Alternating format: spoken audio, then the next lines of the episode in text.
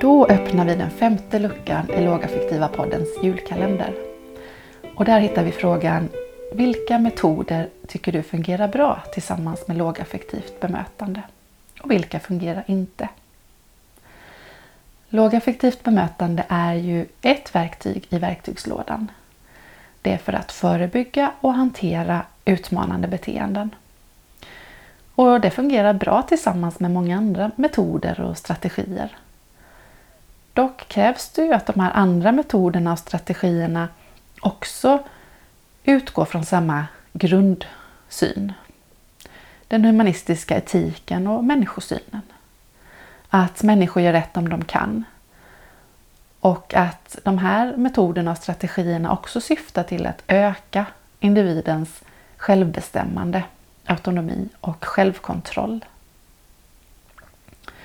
När man vill se över och sortera bland och kanske rensa bort verktyg i verktygslådan så finns det några frågor som jag tycker blir hjälpsamma.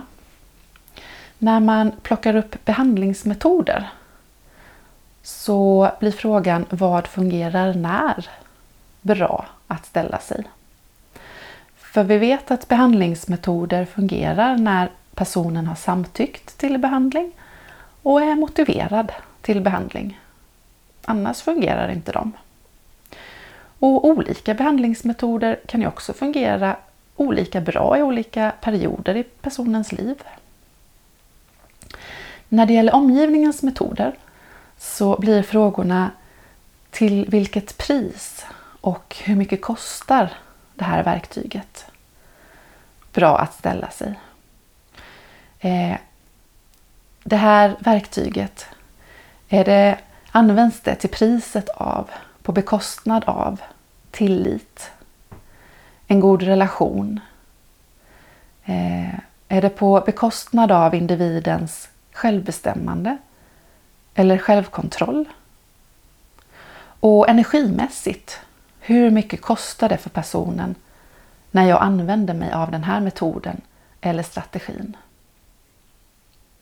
Så min fråga till dig nu det blir vilka metoder eller strategier tycker du fungerar bra tillsammans med lågaffektivt bemötande och vilka går bort?